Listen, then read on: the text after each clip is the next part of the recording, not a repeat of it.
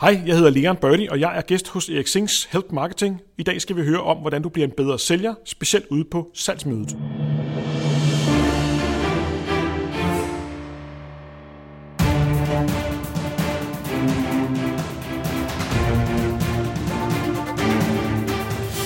Det her er Help Marketing podcasten, lavet for dig, der arbejder med digital marketing, salg og ledelse, og som gerne vil opnå succes ved at hjælpe andre. Jeg hedder Erik Sings, og Help Marketing produceres af min virksomhed, der hedder Nokmal. I dag er det afsnit nummer 162, og vi har Leon Birdie på besøg. Fokus med Help Marketing er, at vi skal blive bedre til at hjælpe hinanden, fordi det er den bedste måde at skabe succes for sig selv og andre på, baseret på værdifulde relationer. Og vi hopper direkte til ugens marketingværktøj, der i den her uge er sponsoreret af vores gode venner hos Lasertryk.dk. Og der kan vi simpelthen spare en masse penge, fordi du kan bruge promokoden, som hedder Help Marketing 1711. 17 står for 2017, det er i år, øh, og 11 står for november, så den gælder hele november måned. Help Marketing 1711. Øh, hvis du bruger den promocode, så kan du simpelthen få dobbelt så meget tryk, end det du havde regnet med, at du vil få. Det vil sige, hvis du skulle bruge 100 pjæser, så får du 200 til samme pris. Hvis du bruger for 25 krus, så får du 50 krus til samme pris.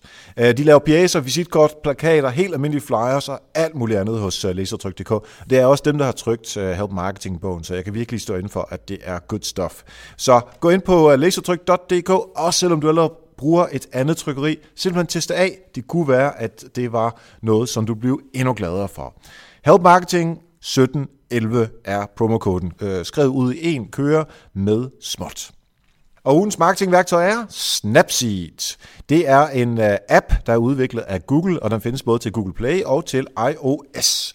Øh, det er øh, virkelig super godt til at beskære billeder, justere billeder, som du har på din telefon i forvejen. Du kan lægge nogle filtre henover med fokuseffekt og drama. Der er alle mulige forskellige ting, du kan gøre ved det. Øh, du vælger simpelthen bare et billede, der ligger på telefonen i forvejen, og så redigerer du simpelthen. Når du gør det, så øh, husk altid lige at lave en kopi af det billede, du laver, så du ikke gemmer oven i billedet. Det vil sige, så har du både originalen, og du har øh, din øh, nye version af billedet liggende. Og du kan så finde det ind på øh, Google øh, Play og øh, App Store på øh, iOS, og det hedder Snapseed. Tak til Lasertryk.dk for at være sponsor på øh, ugens øh, marketingværktøj, og det er som sagt Help Marketing 1711. Help Marketing, og så 1711 for at få dobbelt op på dine tryksager. Du kan se alle tools samlet på nokmal.dk-tools, og hvis du har lyst til at dele et værktøj med mig og alle lytterne, jamen så meld det til mig på eriksnabelag.dk. Og nu er det altså tid til at få sat nogle salgsmøder op med Leon Birdie.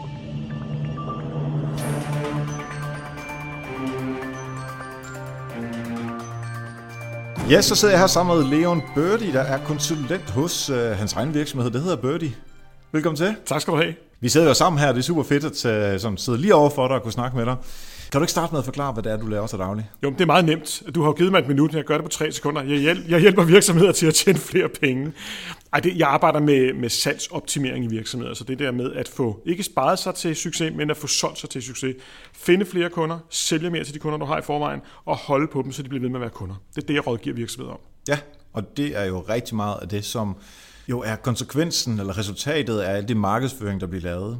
Ja. Så det er egentlig dejligt at få et, en sælgers perspektiv på det, som Help Marketing oftest går ud på. Mm. Og det har jeg virkelig glædet mig til, fordi marketingsfolk, vi skal jo sidde og lave, lave leads, eller direkte salg, hvis det er webshops og sådan noget. Mm. Men det der med at komme ud og holde et møde, og hvad gør man så, øh, og hvilke udfordringer er der der? Hvad kunne marketing måske have gjort for, at det var nemmere for sælgeren mm. at øh, få solgt noget på mødet? Sådan nogle ting, det, er- det er det, vi øh, dykker ned i. Men øh, inden da, der skal vi lige have et øh, godt eksempel fra din hverdag, hvor der er nogen, der har hjulpet dig i den sådan help marketing øh, tankegang. Jamen, jeg har faktisk en helt aktuel en, øh, fordi jeg kommer lige fra et møde i dag i en stor industrikoncern i Danmark. Ja. Øh, og, og det møde, det har jeg fået, fordi ham, der er direktør i en af deres divisioner, han ringede til mig og spurgte, om jeg ville have en kop kaffe en dag. Det sagde jeg ikke nej til, og jeg tænkte, vi skulle bare sådan en hyggelig snak og høre, hvor han var landet. Og det har så medført, at han har skaffet mig to møder inden inden for den samme koncern med, med nogen, han mente skulle bruge mig. Og, og jeg skrev selvfølgelig tilbage til ham, tusind tak, og så skrev jeg til ham, hvad kan jeg gøre for dig? Fordi jeg tænker, det var jo super venligt af ham, hvor han så skriver, jamen du har gjort nok bare, du har hjulpet mine kolleger. Så det er jo sådan et meget godt eksempel på Ja. øh, noget for noget, uden at bede om noget. Ja, ja og, og på en eller anden måde har man jo altid den lyst at hjælpe tilbage, så ligesom du ja, siger med mailen der, ikke? Ja, fordi ja. Jeg, jeg, jeg bliver jo glad for det, så tænker jeg samtidig, hvis han beder min tjeneste, så står jeg står jeg klar, selvfølgelig. Ja, ja. Men øh, det er, nu er det jo meget sælgerverden, øh, som vi skal snakke om i dag, så det passer helt perfekt øh, ind der. Så lad os øh, hoppe direkte ned i det, og det er salgsmøder, som vi fokuserer på. Øh, mest en del i B2B-sammenhæng, ja. øh, men, men jer, der arbejder med uh, consumer-delen mere, I uh, kan jo prøve at sætte det ind i en kontekst af, jamen, hvordan fungerer det i vores retail-butik, hvordan fungerer det på vores webshop, bare bytte nogle af ordene ud, og så skal det fungere på den måde. Ja, man kan sige, at, at, at salg, om det er B2B eller B2C, altså consumer, metodikkerne, altså det grundlæggende ja. er jo det samme. Der skal være en efterspørgsel, og der skal være noget, der kan imødekomme den efterspørgsel, så, så det kan bruges i rigtig mange sammenhænge. Ja, fedt. Jeg kunne godt tænke mig at starte med, når nu vi taler salgsmøder, man kan jo ikke bare troppe op og være heldig, at der er nogen, som anbefaler en øh, ind, men hvordan, hvordan får man sat mødet i stand? I dag er der to måder, der virker. Der er den øh, direkte kontakt, hvor du henvender dig til en potentiel kunde og siger, Dag, jeg har måske noget, der kan være interessant for dig. Det kan jo så igen deles op i to. Nogen, du ikke kender, og nogen, du kender. Og du kan gøre det på flere måder. Du kan ringe til dem. Der er nogen, der siger, man ikke kan. Det kan man godt stadigvæk. Men man kan ikke med en lige så stort held, som man kunne for 20 år siden. Man kan sende dem en øh, LinkedIn-besked eller en e-mail, hvis man må og tør. Øh, og den anden metode, det er selvfølgelig altså social selling, og mm. simpelthen være synlig, at, at, at, at behandle de leads, der kommer ind, sådan at man konverterer leadsene til et møde, hvis man mener, det er relevant. Og den del af det er noget, jeg har rigtig meget fokus på nu. Det ville jeg ikke have haft for fem år siden, øh, hvor det ikke var så meget på tiden. Men, men det, der virkelig konverterer og giver møder, det er jo, når du får et lead i en virksomhed, at du tænker over, er han interessant for mig, ham her kunden? Altså har han penge? Øh, har han behov? Øh, kan jeg tjene penge på ham? Hvad er hans lifetime value for mig? Øh, og vil jeg så ofre et møde på ham, eller skal vi køre det på e-mail, eller skal vi klare det på telefonen? Den, den der prioritering og segmentering. Og, og den måde øh, er der jo flere og flere, der får møder på, men der er mange, der misser møder, fordi de ikke tænker, den der kunde, den er sgu meget interessant. Jeg tror, jeg skal have et møde med ham. Jeg skal ikke bare svare på hans e-mail. Jeg skal ud og sidde helst op på skødet af ham mm-hmm. og mhm. fodre ham. Øhm, så, så det er de to måder, altså opsøgende og afventende, kan du kalde det. Men ja. afventende på baggrund af, at du selvfølgelig har øh, gjort det, som du siger i din podcast, nemlig at, at fylde noget derude. Ja. Vi tager lige hurtigt Canvas-delen. Kold ja. Canvas skal vi ja. godt kalde ja. den første del, ikke?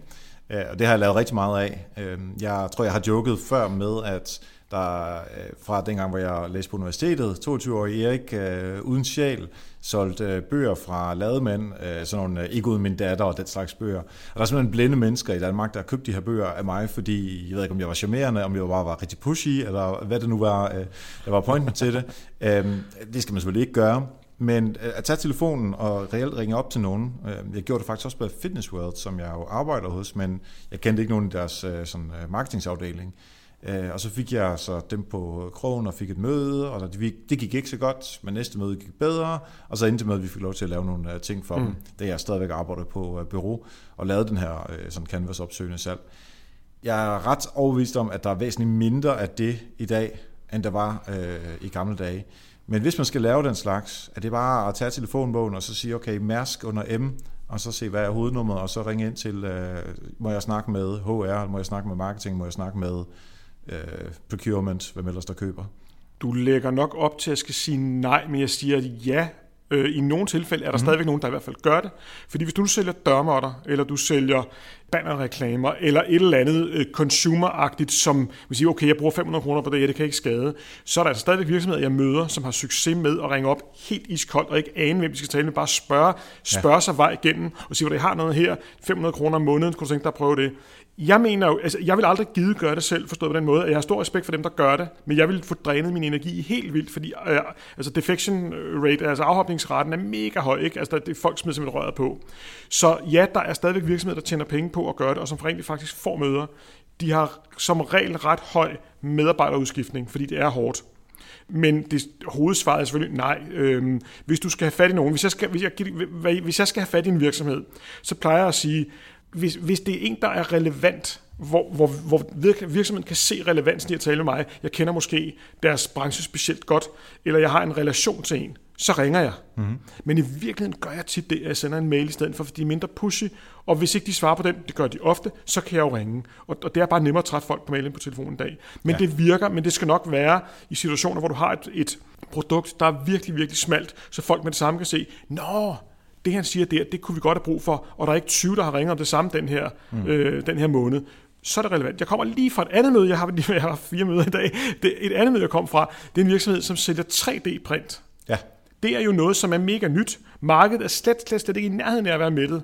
Rent faktisk er der rigtig mange, der skal bruge 3D-print, som ikke ved, hvad de kan bruge det til. Mm. Og det vil sige, de kan sagtens tage telefonen ja. og ringe til udvalgte virksomhed og sige, i jeres virksomhed er det relevant at tale 3D-print.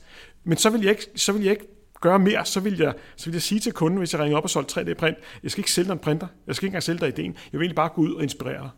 Så, så det har skiftet lidt fra i gamle dage, hvor man skulle have et møde, mm-hmm. til i dag, hvor man måske mere gør dem interesseret, gør dem, gør, vækker interessen, og så finder ud af, om vi på et eller andet tidspunkt skulle stikke hovedet sammen. Ja.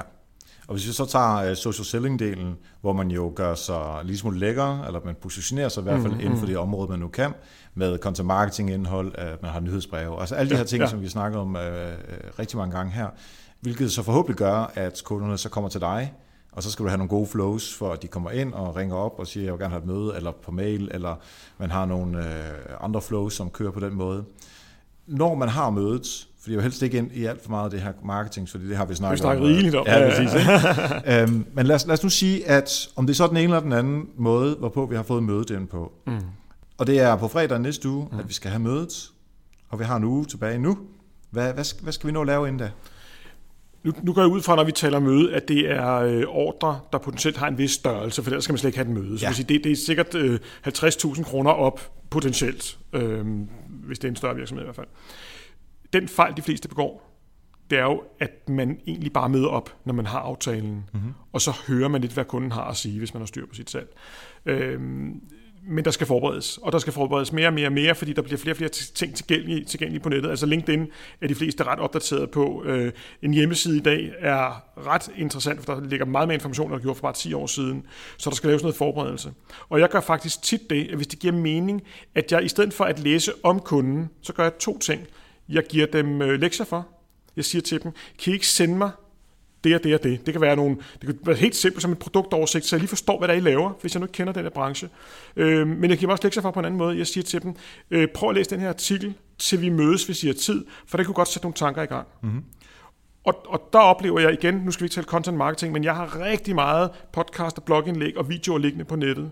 Og det kan mine kunder jo ikke overskue jeg tror, mine kunder, øh, som jeg kommer ud til, de opsøger der viden om mig. Mange af dem ved mere, end jeg lige havde regnet med, fordi de har nok googlet mig. Mm. Men, men jeg kan jo skubbe dem i en bestemt retning. Så hvis jeg har et møde, der skal handle om, øh, hvordan vi øger konverteringsgraden på kunder, der kommer ind i butikken eller ringer ind i virksomheden, jamen, så sender jeg dem måske en video og to, øh, to øh, blogindlæg, altså link til det, om det tema. Af flere årsager, den, den, eller i hvert fald primært to årsager. Den ene er for at gøre ham stenhammerende sikker på, ham jeg skal mødes med, at jeg har forstand på det. Jeg er ekspert på området. Ja. Når man kan læse noget eller se noget på video om nogen, så er det en ret god blåstempling.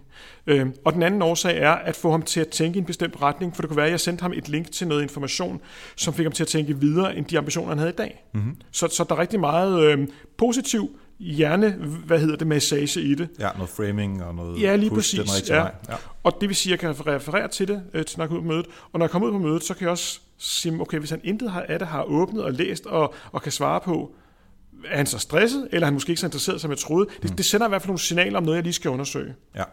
Uh, Marcus Sheridan, som er jo den her content marketing ekspert, og så har været på Health Marketing på et tidligere tidspunkt, han solgte uh, swimming pools, og det han så gjorde, jeg ved ikke, om det er bare en smart historie, eller om han reelt gjorde det, men han sendte, ligesom du siger, sendte noget information ind, som man kunne læse øh, på forhånd, og så ringede han til dem øh, på dagen, øh, hvor de skulle have mødet, og så sagde, Nå, har du fået læst det? Og lavet nogle spørgsmål, for de tjekker efter, om de har det. Og hvis de så ikke havde det, så sagde han, skal vi så ikke holde mødet om tre dage, ja. så vil de have tid til at læse ja. det. Fordi det gør det bare meget nemmere at lave salget, ja. fordi man har framet, som du, som du var inde på før. Ikke? Ja. Øh, en anden ting, som jeg i hvert fald uh, gjorde meget af, da jeg var mere ude i uh, sådan sælgerverden, da jeg var på bureau, det var lige at høre, hvem er med på det her møde. Så det er ikke bare ham eller hende, som er chefen, eller den, der har, som han har overtalt, men også de der to-tre andre mennesker, som også potentielt er med til at tage beslutningen. Uh, og lige at høre, jamen, har I nogen i forvejen, der leverer det her til jer? Er man op imod en konkurrent, mm-hmm. uh, som er eksisterende, eller er det en runde, en bureaurunde eller noget andet? Øh, sådan nogle sådan helt praktiske ting. Ja, ja, ja altså indlysende. Hmm. Og, og, og en anden ting, som jeg også glemte at nævne før, det er jo det der med, at øh, LinkedIn er jo et mega godt værktøj, ikke bare til at læse om folk du skal mødes med, men også til at connecte med dem, før du mødes. Ja. Og der møder jeg nogle gange noget modstand hos sælgere, når jeg underviser dem, fordi de siger, at man kan ikke tillade mig at, at linke op med en, jeg skal til møde med, som jeg kun har talt med eller skrevet sammen med. Og jeg kan da slet ikke tillade mig at linke til de to andre, som jeg også skal mødes med. Og jeg siger, jo, for du har jo skrevet til møde med dem. De har jo committet sig til at give dig halvanden time af deres liv. Så, så det er sådan helt standard for mig. Jeg skal ikke sige, at jeg øh, husker det 100% af gangene, men jeg tror, jeg husker det 98% af gangene. At når jeg skal til et møde, så, så siger jeg altid, i, når vi aftaler mødet, jeg finder dig lige på LinkedIn. Mm. Hvis jeg ikke får sagt det, så får jeg alligevel gjort det. Og, og det er altså mega interessant, fordi det, det gør også, at dem, som man skal til møde med, kan læse lidt mere om en selv, end bare kigge på ens offentlige profil. Der er måske nogle informationer, som, som åbner sig op for dem. Så, så de muligheder skal man helt klart bruge. Også fordi mange sælgere kommer måske ud på fem møder, og så får de en ordre. Hvis du nu kommer ud på fem møder og får en ordre, så har du en kunde. Men hvis du kommer ud på fem møder og får en ordre, og så har fire, du kan kommunikere med på LinkedIn fremover, mm. så er der måske nogle af dem, som på et tidspunkt bliver interesseret igen. Så du udvider helt klart også din, din markedsføringsmaskine ja. voldsomt. Øhm, så det, det er ikke helt tosset. Ja, fordi første møde, er, og hvis der ikke er salg på første møde, er det jo ikke ens betydende med, at der aldrig vil være et salg. Nej. Der kan jo sagtens være et salg om en måned, eller to måneder, eller fire år. Men, men jeg er da også ude for nogle gange, at jeg har linket op med nogen, så er mødet blevet aflyst, fordi så er der blevet stresset og travlt, og så har man forsøgt at få det igen, og lige pludselig så er det ikke rigtig blevet til noget. Men så er jeg stadigvæk på LinkedIn med dem. Det vil mm. sige, at kommunikationsmuligheden er der stadig. Jeg kan stadigvæk sige, hej derude, og sandsynligheden for, at de ser det, er der jo. Ja. Ja, man påvirker dem i den retning, som man gerne vil have, som, ja. som sagt. Ikke? Ja. Og så en anden, en anden forberedelse ting, som jeg også synes er vigtig, det kan man på den, den på, hvad man arbejder med, men det er jo noget med at sige, er, er der tid og giver det mening, så prøv produktet. Altså hvis jeg for eksempel, jeg, jeg arbejdede en del for hoteller i en periode, hvis jeg havde tid op til mødet, så nogle gange så gik jeg ind i lobbyen og satte mig bare for at observere, hvad der skete. Bare for at teste tid for at fornemme stemningen. Kommer der nogen hen og siger goddag til mig, eller øh, står gæsterne og ser glade ud, når de tjekker ud, eller ser de ikke glade ud. Alle de her ting, det, det giver alligevel bare det giver en, en, en fli af et forspring, når du kommer på mødet og siger, at jeg var lige nede og sidde, og, øh, sidde i lobbyen, eller var lige inde og kigge på jeres øh, biludstilling, eller hvad fanden det nu er, man er mm. ude til. Mm. Man kan selvfølgelig sige, at det er meget tid, man skal bruge, men hvis det lige passer transportmæssigt, at man kommer forbi alligevel, så oplever jeg, at det giver, det giver to ting. Det giver rigtig mange point, der siger, hold da op, det var en god forberedelse. Og nummer to, at du har noget, altså du forstår bedre de ting, de fortæller dig, selvom ja. du kun har set en lille bitte smule af overfladen. Jeg var inde på et tidspunkt, hvor, øh, hvor der, det var faktisk en af lytterne på Help Marketing, der ringede og spurgte, om jeg har lyst til at komme forbi og, og lige tage en snak omkring øh, eventuelt noget bestyrelsesarbejde for en øh, iværksættervirksomhed. Øh, og det, det var meget interessant. Øh, og så øh, jeg blev vi så enige om, at jeg skulle ind og snakke med, med direktøren der i, øh, i iværksættervirksomheden. Øh, Øh, og jeg var, det var også en af de her lidt stressede perioder. Jeg skrev jo en bog, trods alt. Øh, og så nåede jeg ikke rigtig at få testet deres produkt. Og det betød, at da jeg så sad og snakkede med dem, så kunne jeg sagtens snakke om de ting, og, som, som handler om markedsføring og, og det her, som, hvordan det ville indgå i sådan noget bestyrelsesarbejde. Men jeg havde ikke sådan helt, jeg kunne ikke øh, fortælle om, hvordan deres flow var. Og det havde jo taget mig fire minutter. Ja. Hvis, øh, og det er altid nemt at sige, fire minutter her og fire minutter mm. der. Men hvis jeg lige havde prøvet deres øh, system igennem, og så siger man, hvad får jeg mails? Hvordan, det havde været så meget mere professionelt. Øh, og det, øh, det snakker vi så også om bagefter osv. osv. Men det er i hvert fald øh, et, et, et eksempel på, hvor jeg ikke gjorde det, du sagde med at lige komme ind og se bilen eller prøve tingene af. Så man kan sagtens gøre det digitalt også. Absolut. Og, og, og, og altså, i dag kan man bare sætte op til et nyhedsbrev, eller ja. bede om en demo eller et eller andet, så har du en idé om, hvordan det virker. Yes. For eksempel oplever jeg hos mange øh, kunder i en bestemt branche, jeg skal ikke sige hvilken, så bliver bilsælgerne ked af det. Hvis man beder om en prøvetur, så er det faktisk øh, nogle gange øh, ret svært at få lov at overhovedet at komme i kontakt med dem. Jeg prøvede at sætte ud som bilforhandler, og så var det måske, jeg tror det var to ud af fire, der svarede, og den ene svarede efter to måneder. Ja. Så, vi, så, så sådan et flow. Ulempen er selvfølgelig, og, og det, det har jeg erfaret på den hårde måde, da jeg startede som konsulent. Jeg gik jo ud, og så støvsugede jeg de virksomheder, jeg gerne vil samarbejde med, for fejl. Og så ringede jeg til dem. Mm. Jeg var nede i din butik nede på Frederiksborg, nu skal du høre, hvad der skete. De gad sgu ikke tale med mig. Ja. De blev smæk fornærmet, fordi ligegyldigt hvor venlig jeg selv synes, jeg var, så det at komme med en negativ historie, øh, det gider folk bare ikke høre på. Så man skal alligevel passe på, så også selvom ja. de har bedt om mødet, at komme for mange negative historier trods ja. alt. Så jeg tror, det er bedre nogle gange at registrere det, have det i baghovedet, og hvis de spørger direkte, hvordan var oplevelsen, siger, jamen det var meget god. Der var ikke lige nogen, der fik sagt hej til mig, men jeg var også kun i fem minutter. Altså, det, det, det er meget med igen at, at kommunikere det på en øh, ikke alt for kritisk måde, for du er lige kommet ind ad døren, og de aner ikke, hvem du er rigtigt. Ja. Og så vil jeg sige en anden ting, det er omkring investering i, i møder. Mange sælgere siger netop, at vi har ikke tid til det her, mm-hmm. altså forberedelse. Nej, hvis du kigger på, hvor få møder du har, kære sælger, per måned. Nogle gange så er det jo mindre end en håndfuld, en opsøgende sælger har af nye møder.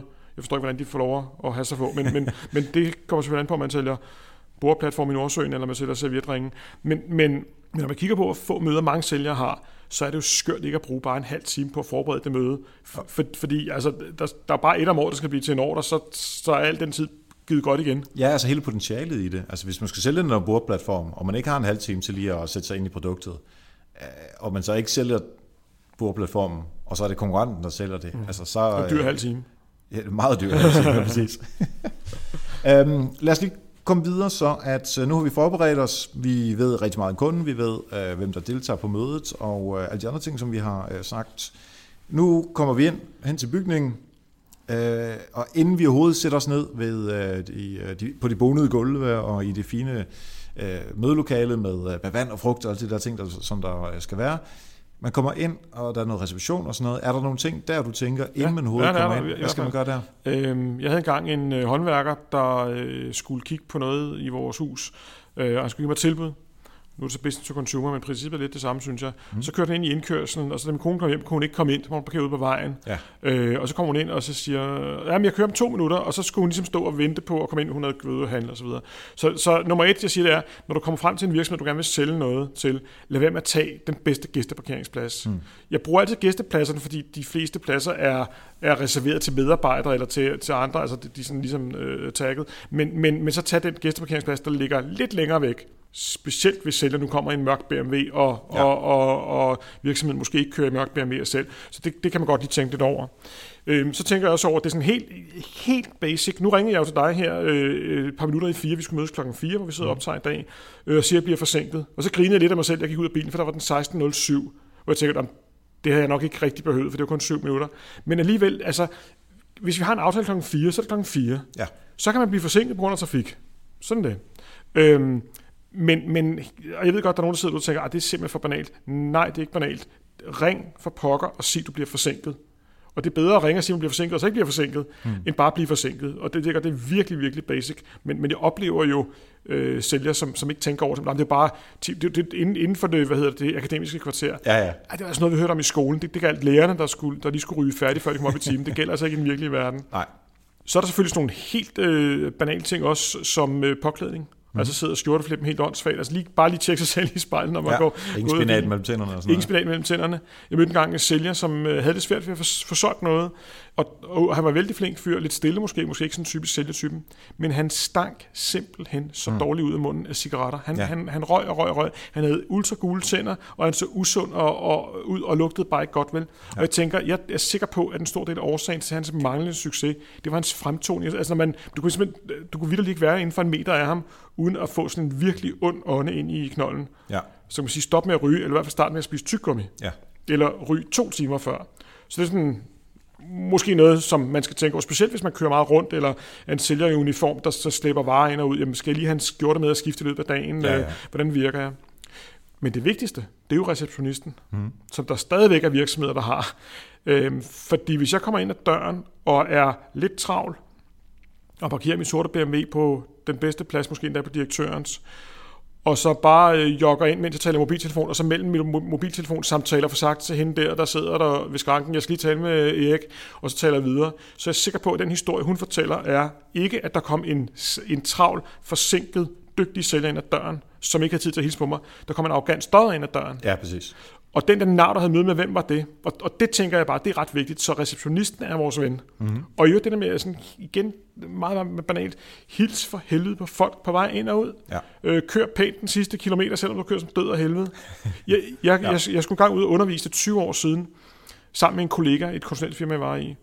Og øh, jeg kørte ud på motorvejen, og så var der en bil, der var lidt langsom. Så overhalede jeg den her bil, og kommer måske til at skære lidt tæt ind foran. Problemet var bare, at da jeg så kommer ind i undervisningslokalet, så er en af dem, jeg har overhalet, åbenbart en af kursisterne. Mm. For min kollega, han får at vide sidst på dagen, ham der, du var med ude og undervise med, sig, han skal køre pænt. Altså, kan sige, ja. ja, men så kunne jeg have sagt til hende, at du skulle køre mere end 80 på motorvejen, men, men det, den diskussion skal vi ikke tage. Men så det med lige at, at tænke over, hvordan min approach er, den, den er også vigtig, fordi folk lægger rigtig meget mærke til, ja. øh, når der kommer nogen ind, der ikke passer ind i virksomheden, hvordan, hvordan agerer de. Ja. Og, og hvorfor ikke få point fra, det er jo sjovere, at øh, receptionisten, eller ham, der viser mig op, siger, det var da en flink, øh, hvem fanden var han, var mega flink, øh, i stedet for, at man siger, hvad var han for en sur støder? Ja, og det er alle de her ting, som du snakker om nu, det koster ikke noget. Nej, det er helt gratis. Og heller ikke penge. Øh, Nej, penge eller, eller i tid. heller ikke tid. Nej. Det tager til sidst lang tid at smile og se sur ud. Ja, præcis. Det er bare, øh, altså, det er bare at opføre sig pænt, Mhm. øh, og, og være sådan en anstændig menneske. Det, basics. Og jeg, og jeg tror, man skal tænke over, det prøver jeg i hvert fald selv. Jeg tror, at som, jeg har også karakteristisk salgsprofil. Jeg taler meget, jeg taler højt, jeg taler hurtigt, jeg bevæger mig hurtigt, og jeg er garanteret mega arrogant og overfladisk i nogens optik. Derfor skal jeg prøve at skrue lidt ned, fordi mm. andre kan ikke nødvendigvis afkode, at jeg ikke ønsker at være arrogant. Så hvis jeg kommer som sælger og har en mørk jakkesæt på, og kommer i en bil, der måske er lidt større end dem derude, sælger tjener jo ofte mange gode, meget gode penge, mm. så, så de fylder måske lidt mere på mange måder. Og det tror jeg bare, man skal tænke over, at, at man behøver ikke nødvendigt, man skal ikke være offer for janteloven, man skal heller ikke bruse for meget frem, fordi Nej. det, det tjener ikke noget formål. Nej. Fint. Vi er kommet forbi, og vi har imponeret øh, både receptionisten Ja, og alle de receptionisten, hun vil giftes. Ja, ja, ja, præcis. ja, Ja, ja. ja. Og nu, nu går du meget op i din charme lige. Nå, vi kommer ind i øh, øh, mødelokalet her, Mm. og der sidder de mennesker, der nu engang er med, og man, du, du sidder så alene, eller der er flere. Mm-hmm. Øh, og hvad er det så... Øh, man har selvfølgelig forberedt noget. Øh, Kører vi over i PowerPoint? Skal vi have en snak først? Hvem snakker for dem eller os? Vi hælder kaffe op og sådan nogle ting. Altså, hvordan foregår sådan nogle øh, møder typisk? De dårlige møder foregår typisk ved, at man bruger PowerPoint og mm. viser brochurer, fordi folk de kan ikke relatere det til noget. Og jeg oplever mange sælgere, der siger, at jeg vil gerne have noget med, jeg kan vise, fordi det, det stiver mig af, det gør, at jeg føler mig mere sikker.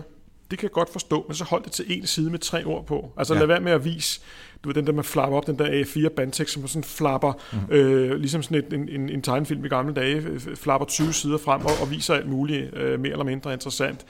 Det er jo med til at gøre, at folk bliver pacificeret. Så, så den, altså, jeg, jeg tænker bare, jeg, jeg plejer at sige til folk, tag dit visitkort med og udlever det. Det er så den almindelige pli. Mm-hmm. Øhm, det kan også give et indtryk af, at man er kvalitetsbevidst, hvis det ikke er lavet på pergamentpapir, hvis mm-hmm. det er sådan noget, der er lidt øh, gods i. Brug tid på grund og give hånd, og så start med at være enige om, om vi har en time eller halvanden time, fordi deres tidsplan kan jo ændre sig, siden vi bookede den. Ja. Og jeg oplever også nogle gange, at hvis man inviterer folk i Outlook, de siger ja, men de, så har jeg været for en kunde der forleden dag, og siger, ej, jeg så du booket mig i halvanden time, jeg har faktisk kun en time, kan vi nå det? Ja, det kan vi godt, men det er meget fedt at vide det nu, og ikke om 59 minutter. Ja.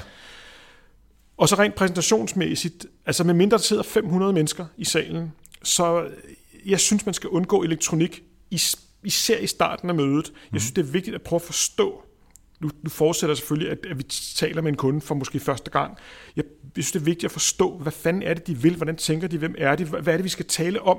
Ja. Fordi det, vi talte om i telefonen eller på mailen, bliver ofte lidt anderledes, når vi kommer derud. Mm. Så jeg har vendet mig til, og det er også sagt til de sælgere, jeg havde ansat i sin tid, da jeg, da jeg var salgschef i, i nogle virksomheder, behold al jeres lort ned i tasken, og lås den der taske. Tag visitkort op, jeres blok op og en kuglepen. Punktum. Ingen brochure. Nej. Fordi brochurerne er jo noget, der beskriver den løsning, vi gerne vil sælge til kunden. Eller den metode, vi bruger. Og det kan vi jo ikke rigtig vide, om kunden har brug for, eller vi, og vi kan heller ikke vide, hvordan vi skal frame det, altså øh, øh, kommentere det, hvad vi skal lægge vægt på, før vi har lyttet til kunden. Så, så kundens udsagn må komme først. Men Leon, jeg vil jo sælge noget. Det du er ikke. Jeg skal høre på øh, kunden snakke med dem. Jeg skal jo sælge noget, for ellers ved du jo ikke, hvem jeg er, og hvad det er, jeg har at byde på. Erik, de fleste møder, jeg går fra med en ordre, Ja. der må jeg sige til mig selv, at jeg sidder ude i bilen, kan jeg vide hvor meget, det ved om mig? For jeg fik jo slet ikke fortalt noget. Nej. Og det er lige præcis en meget vigtig pointe. Du er som sælger ikke interessant. Dine produkter er ikke interessante. Dine priser er ikke interessante.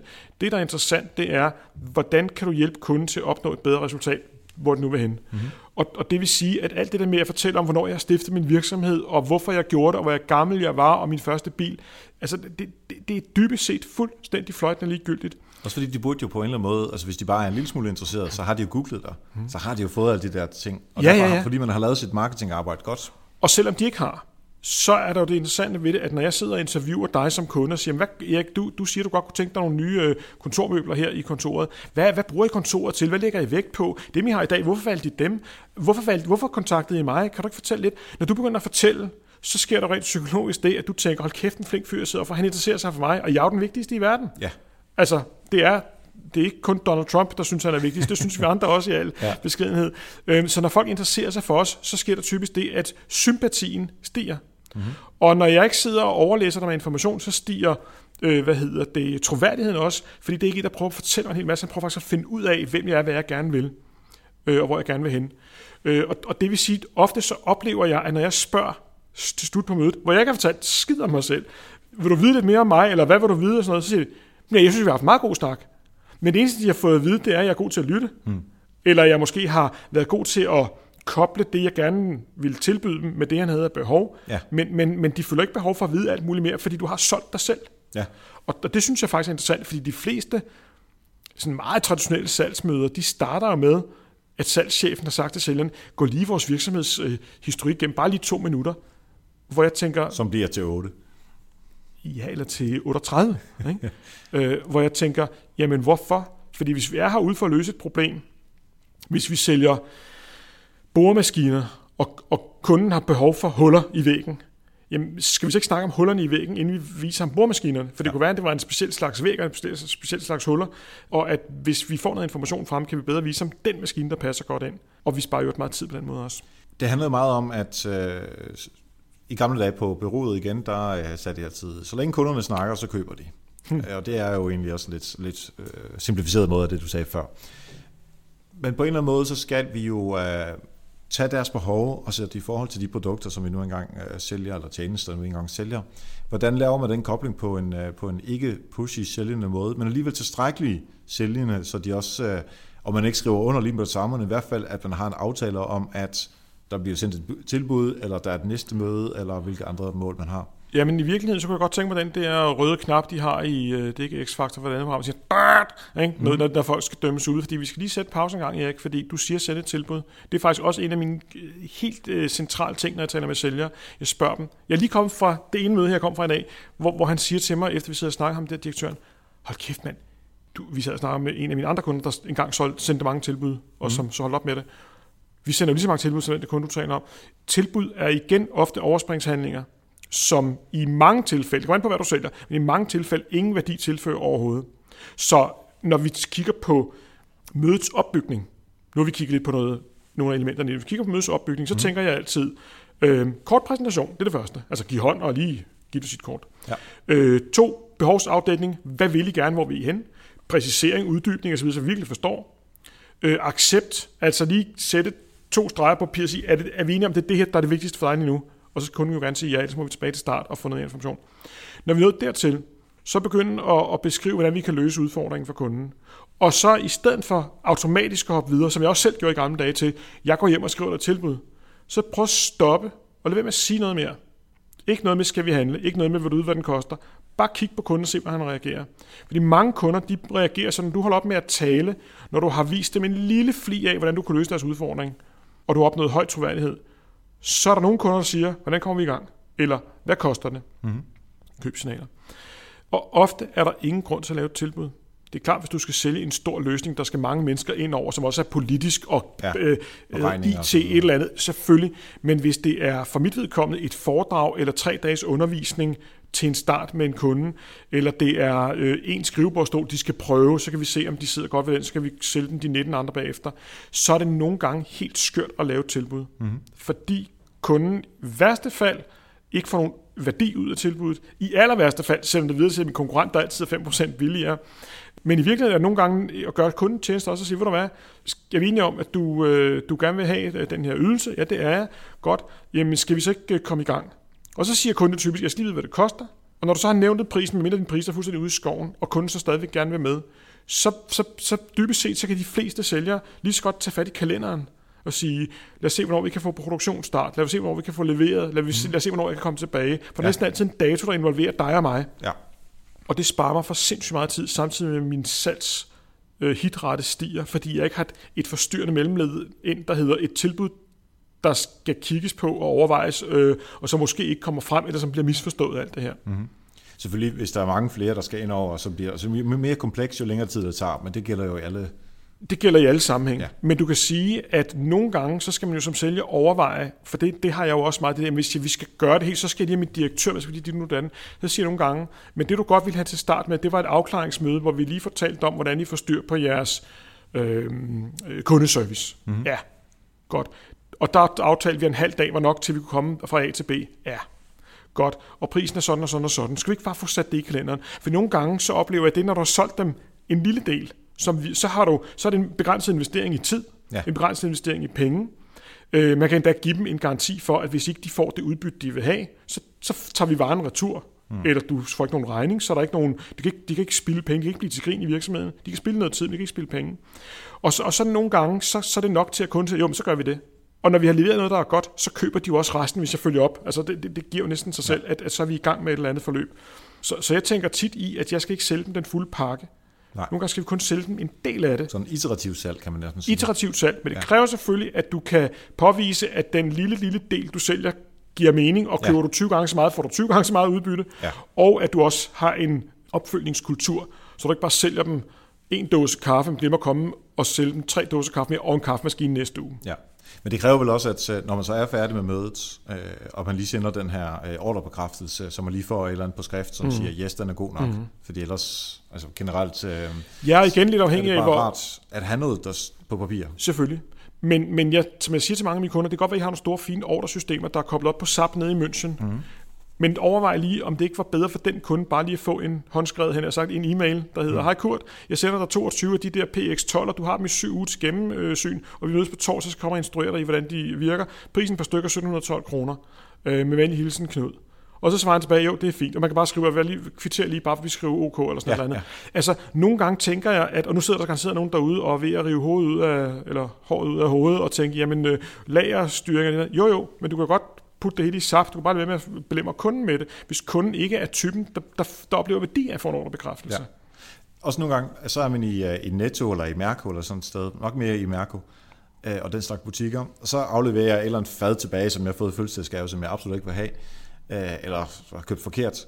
Og så skal de stå og udfylde en masse forskellige ting i forhold til, at deres fad kan komme tilbage på den rigtige hylde et eller andet sted. Og sådan et, I don't care.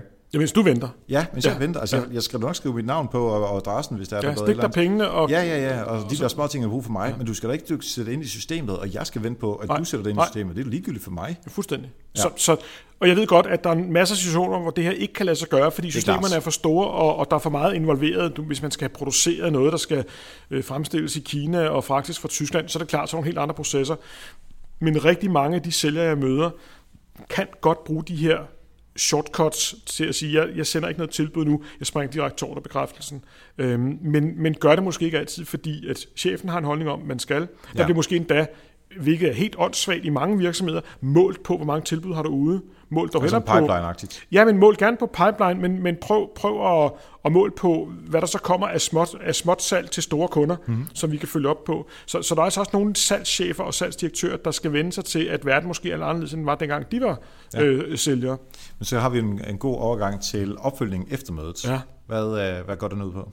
Jamen opfølgningen går ud på, at hvis du har, hvis du har solgt, så skal der vel være noget øh, support af en eller anden opfølgning. Er du tilfreds med dit nye hus, din nye bil, din nye blender eller øh, mm. din nye øh, bord, det er jo så noget, som de fleste øh, helt ignorerer. Altså jeg plejer at bruge eksempel på, at hvis du køber en lejlighed eller du køber en bil, så kan du være ret sikker på, at du hører aldrig fra ejendomsmaleren eller bilsælgeren mere. Men køber du en øh, mobiltelefon hos 3, ringer de altså til dig efter tre måneder i mange tilfælde og spørger, om du er glad øh, mm. for det abonnement, og, og nævner jo for dig, at du kan få gå ned på et billigere abonnement. Hvor jeg tænker, at der er måske nogle brancher, der godt kunne lære lidt af, af, af ja. hvad andre gør. Sara her i København, den der butik, ja. tøjbutikken, ja. ikke? der er der elevator op, og uh, rulletrappe op, mm. men du skal gå ned. Ja. Og det er simpelthen, du har du betalt penge, så er vi faktisk ret ligeglade med ja. dig. Og, øh, og så er det nemmere at gå ned, end at gå op, men, men det er sådan en anden uh, ting.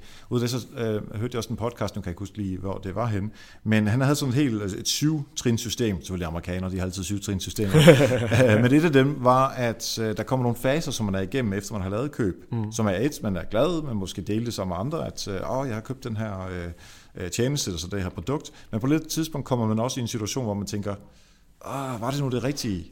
Fordi man måske lige læser konkurrentens hjemmeside eller deres mm-hmm. tilbud. Ah, det var da egentlig også spændende.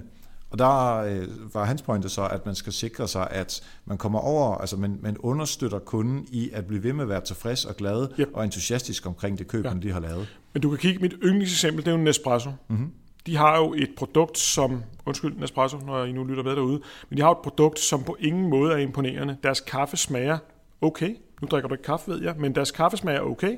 Det gode ved den er, at den er altid ensartet i smagen. Mm-hmm. Det er altså også en lille smule syntetisk. Jeg tror, det er sådan noget frysetørret kaffe. Men det er sikkert høj kvalitet. Lidt ligesom McDonald's. Kvaliteten af produktet er på sin vis høj. Godt være fiberindholdet ikke er det bedste hos McDonald's, men det er det samme, jeg får hver gang. Ja. Jeg ved, hvad jeg får. Nespressos øh, maskiner er pæne og nemmere at betjene og nemmere at rengøre. og pynter faktisk i de fleste hjem, hvis man køber den rigtige. men, men udfordringen, med, eller øh, fidusen med sådan en virksomhed, er jo, at de, de pakker jo hele deres ret almindelige produkt ind i sindssygt god opfølgning og service. Når jeg kommer ned og køber nye kapsler ned i deres butik, så kan jeg være sikker på, at de, de, jeg bliver båret rundt på hænder og fødder. Så de har helt styr på at blive ved med at give kunderne en god oplevelse. Ja. Hvis jeg køber via deres webshop, er det nemt og bekvemt. Der er selvfølgelig, øh, det er jo helt indlysende, en, en profil, som man ved, hvad du har købt tidligere. Du bliver mindet om at købe afkalkning, hvis din maskine ikke stopper til. Hvis du imod forventning har problemer med din maskine, hvilket jeg havde engang, så fik jeg bare en ny reservedel. Jeg skulle ikke engang øh, mm. Øh, indsende nogen kvittering. Den var jo også øh, udløbet, fortalte jeg, det var de fuldstændig ligeglade. Jeg fik bare en ny reservedel til et par hundrede kroner gratis. Ja. Så man kan sige, mange, har, mange virksomheder mangler jo at indstudere brugeroplevelsen. Ja. Nogen skal måske bare starte med at ringe til kunden og sige, når efter en uge har du fået styr på det, virker det. Øhm, så kan man overlade det til marketing bagefter at, at køre videre. Men, men det er et meget overset øh, fænomen, efter vi har solgt. Hvis vi så ikke har solgt, det var de spørgsmål, jeg får oftest. Nu har jeg ikke solgt på mødet. Kunden sagde ikke nej, han sagde heller ikke ja. Han vil måske gerne have et tilbud. Så ved de fleste sælgere godt, at man har solgt et, sendt et tilbud, så skal man følge op. Mange af dem gør det også. Øh, men mange sælgere spørger mig, hvad skal jeg egentlig sige, når jeg følger op? Og, og jeg kan godt lide at gøre verden enkel. Jeg har ikke nogen lang uddannelse, så jeg kan ikke gøre den kompliceret. Så jeg siger bare, jamen du kan for eksempel spørge kunden om, øh, hvad han tænkte, da han læste tilbuddet. Nej, det kunne man godt sige. Eller, altså, du, mm. jeg sendt tilbud. Hvad, hvad tænker du? Øhm, for, fordi typisk så tænker kunden jo ikke andet, end at jeg ikke får kigget på det. Eller jeg kan sgu ikke overskue det. Jeg mangler lige et andet tilbud. Og så næste, næste opfølgning øh, skal kunden jo bestemme, tænker jeg. Og den næste opfølgning kommer jo ved, at du stiller følgende spørgsmål. Hvornår er det relevant, at jeg ringer til dig igen? Ja. Så i virkeligheden tænker jeg, at opfølgningsdelen, som jeg synes mange øh, synes er svær, øh, den, den synes de er svær, fordi de synes, det er svært at sige noget intelligent. Hvor jeg tænker, du skal ikke sige noget specielt intelligent, du skal egentlig bare tænke over, hvad er det, jeg vil? Jamen, jeg vil gerne vide, hvad han synes om tilbuddet. Så spørg, hvad synes du om tilbuddet? Når han siger, det så fint ud, jeg skal lige uh, din dun dat, så siger man, godt, er der noget, jeg kan hjælpe dig med? Nej. Hvornår skal jeg ringe tilbage? Og på et eller andet tidspunkt, så siger kunden, ved du hvad, vi har valgt dig, mm-hmm. vi har valgt den anden, eller vi går ikke videre med sagen. Ja. Og så kan man jo igen sige, godt, øh, hvis jeg er en rigtig god sælger, så skal jeg holde kunden ved lige. Så kan man sige, hvornår er det relevant, at vi snakkes ved igen, og så ind i CRM-systemet med det. Men den del af det oplever jeg, at mange sælgere synes er svært, fordi de synes ikke, de har noget begavet at bidrage med. Hvor jeg siger, at det er enormt begavet, bare ringe os og vise interesse. Ja, helt klart. Så, så, så det skal ikke være så super avanceret. Lige om to sekunder, der vil jeg gerne have kondenseret råd for dig. Et par stykker, hvor vi taler 30 sekunder per styk øh, på, til lytterne, som godt kunne tænke sig at blive bedre til at sælge. Ja. Øh, men inden da, der vil jeg gerne have lov til at takke alle lytterne for at lytte med her på Help Marketing og øh, støtte podcasten, støtte det, vi laver med bogen og alle de andre ting, som vi øh, kører herinde hos Help Marketing-teamet. Podcasten har jo kørt tre år nu her uden afbrydelse, og jeg er rigtig glad for, at øh, du lytter med. Hvis du er interesseret i at skabe salg, ligesom Leon og jeg, vi, øh, vi taler om øh, det i forhold til uh, salgsmøder her, men simpelthen, hvis du er interesseret i at gøre dine leads og dine salgsmøder nemmere og bedre, jamen så kræver det, at du har gjort leadsene varmere, og der skal du bruge marketing. Og der er Help Marketing-bogen en måde for virkelig at øh, få indsigt i alle øh, de store relevante discipliner inden for digital markedsføring. Så hvis du har lyst til at uh, blive klogere og inspireret, uh, så kan du gå ind på helpmarketingbogen.dk, tjek bogen ud, forhåbentlig også købe den, og hvis du køber den, så er du faktisk også med til at støtte podcasten, og det vil vi selvfølgelig sætte stor pris på. Yes, Leon. To, tre råd til lytterne, som gerne vil blive bedre til at sælge. Ja, hvis vi starter med det at få lov til at komme ud til kunder, så er det at bruge sin gode nye viden om, hvordan markedet fungerer, og overveje, hvordan jeg skal få nye møder. Mm-hmm. Skal jeg blive ved med at ringe? Skal jeg bruge social media? Øhm, og hvis det er det sidste, jeg skal, har jeg så styr på, hvad jeg gør? Bruger jeg LinkedIn og Facebook godt nok? Eller Instagram og Twitter, hvad der nu passer? Øhm, er jeg synlig nok på nettet? Har jeg nok intelligent viden at smide ud i hovedet på folk, så de får lyst til at henvende sig til mig. Mm-hmm. Og specielt business to business i større virksomheder, LinkedIn, LinkedIn, LinkedIn, skriver jeg nogle gode artikler, deler jeg nogle gode artikler, som gør, at jeg er interessant Både for dem, der følger mig, men også for dem, der googler mig. Fordi søgemaskinerne kan godt lide artikler på LinkedIn. Det er klart. Og det andet råd? Det andet råd, det er, når jeg kommer ud til møder, at jeg har styr på, hvad jeg vil med det her møde, og at jeg fortæller kunden, øh, hvad intentionen med mødet er, og vi lige bliver enige om, hvorfor vi er der, hvorfor, øh, hvor lang tid vi er der, og det har en rigtig balance mellem at lytte og tale, som nok skal være noget med 80-20 i den mm. ideelle verden, Ja. ja. øh, specielt i starten af mødet, hvor jeg, hvor jeg i stedet for at fortælle om mig selv, begynder at spørge ind til kunden og sige, jeg forstår, jeg har behov for sådan og sådan og sådan. Fortæl mig, hvad jeres situation er. Fortæl mig, hvad jeres beslutningsproces er. Fortæl mig, hvad I drømmer om. Fortæl mig, hvad I frygter. Så man i virkeligheden bruger en masse tid på at skrive noget ned på det stykke papir, man har taget med, der var blankt, i stedet for at dele brochurer ud, som de ikke ser nogen værdi af. Yes. Og det sidste råd? Det sidste råd, det er, at i stedet for at komme i en situation, hvor du efter hvert eneste møde får et ja tak, du må da gerne sætte mig et tilbud, så i stedet for at gå hjem og skrive tilbud, så sige til kunden, godt, hvordan kommer vi i gang, som vi talte om før? Hvad skal der til, for at vi kommer ja. i gang? Øhm, skal vi ikke starte med, at jeg laver en uh, miniløsning til dig, så kan vi teste den af, så kan du se, om du har lyst til at samarbejde videre med mig. Fordi du får flere ja'er, end du, får, end du plejer at få, øh, når, du, når du sender tilbud, og du sparer utrolig meget tid. Så jeg oplever, at tilbud skal skæres væk, og man skal være virkelig, virkelig kritisk over for. Mm-hmm. I, I stedet for at tænke, kan jeg skære det tilbud bort, så tænker jeg i dag, skal jeg overhovedet skrive tilbud her? Det skal jeg da overhovedet. Altså, jeg, jeg, tanken strejfer mig slet ikke. Det er sådan helt undtagelsesvis, hvis en kunde vil have tilbud, tænker jeg, det kan du godt få. Det var da mærkeligt, du vil have et tilbud. Ja, tilbud inkluderet i mødet stort set. Ja. Yes. Super. Det er i hvert fald blevet øh, meget nemmere at øh, være øh, sælger, efter man har lyttet til øh, afsnittet her med dig, Lea. Mange tak, fordi du gjorde os klogere. Hvis man gerne vil følge dig på sociale medier, hvor skal man gøre det henne? På sociale medier, så er det facebook.com slash leonbirdi, L-E-O-N-B-I-R-D-I, eller på min hjemmeside, birdi.dk, B-I-R-D-I.dk. Og hvis man vil lytte til min podcast, Ja. hvor en, hvis Erik Singsen nok også kommer på besøg en dag, så er det på en øh, hjemmeside, der hedder salgspodcast.dk, at man kan finde mig. Og alle links, de ligger i show notes, så kan man bare gå ind og tjekke dem. Mange tak, fordi du var med, Leon. Tak for invitationen. Mange tak til Leon. Jeg er kæmpe fan af Leon. Han er altså bare no nonsense. Det er, det er to the point. Det han siger, det får man, og det er virkelig godt. Lyt også til hans øh, podcast, hvor jeg også snart er gæst. Og så en shout-out til Sofie Henriksen fra øh, Rigspark, der jo skriver noter til podcasten her. Og øhm, du kan finde noterne øh, i podcast-appen eller på helpmarketing.dk under afsnit 162. Help Marketing Historie. Hvad skete der for 100 uger siden i Help Marketing? Jamen, der var Peter Zweigård besøg, og jeg skal lige hurtigt sige, han har lige fået to døtre, tvillinger. Så tillykke med det, Peter, med familien forøgelsen der. Men Peter, han arbejder altså hos Spis. Vi talte om ambassadører, for det er noget, som Peter er rigtig dygtig til. Så hvordan identificerer man digitale ambassadører? Hvordan får man adgang til dem? Når man har fundet dem, hvad skal man så gøre? Altså, hvordan får man fat i dem?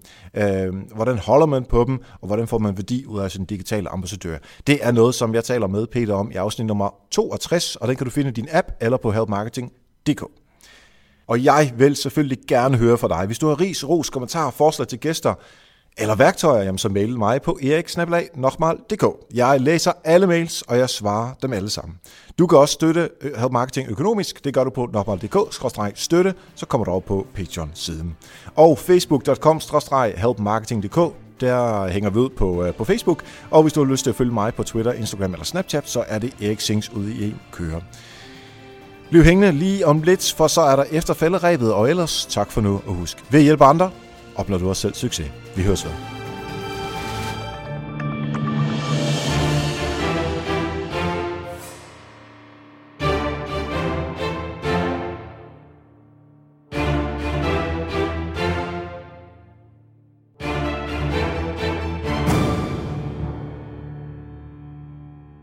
Her i efterfalderæbet, der vil jeg ikke bruge så lang tid, men lige nu, der sidder jeg, det er lørdag, øh, inden øh, du lytter til den her podcast, og jeg vil bare lige fortælle, hvem det er, jeg har på i dag, fordi jeg plejer at optage fem interviews i løbet af en lørdag, en gang om måneden, øhm, og øh, jeg er i fuld gang med det. Øh, jeg har talt med Lars øh, Broberg om bestyrelser, hvordan man kan bruge markedsføring øh, og bestyrelser sammen. Det er super interessant. Jeg har lige snakket med Daniel øh, Norit Bodelsen, som også er min, øh, min gode ven, om konceptudviklingen. Lige om to sekunder efter jeg har indtalt det her, så skal jeg tale med Janne Bagnhøj, også om ambassadør Morten Vadskær, som er nok den person i øh, Help Marketing historie, der har fået flest øh, omtaler af andre, der har øh, fået hjælp af ham, så det bliver super fedt. Og så Anders Toxbo, som vi skal snakke med i forhold til UI og UX. Så det er noget, som du kan forvente her over den, øh, de næste uger i Help Marketing.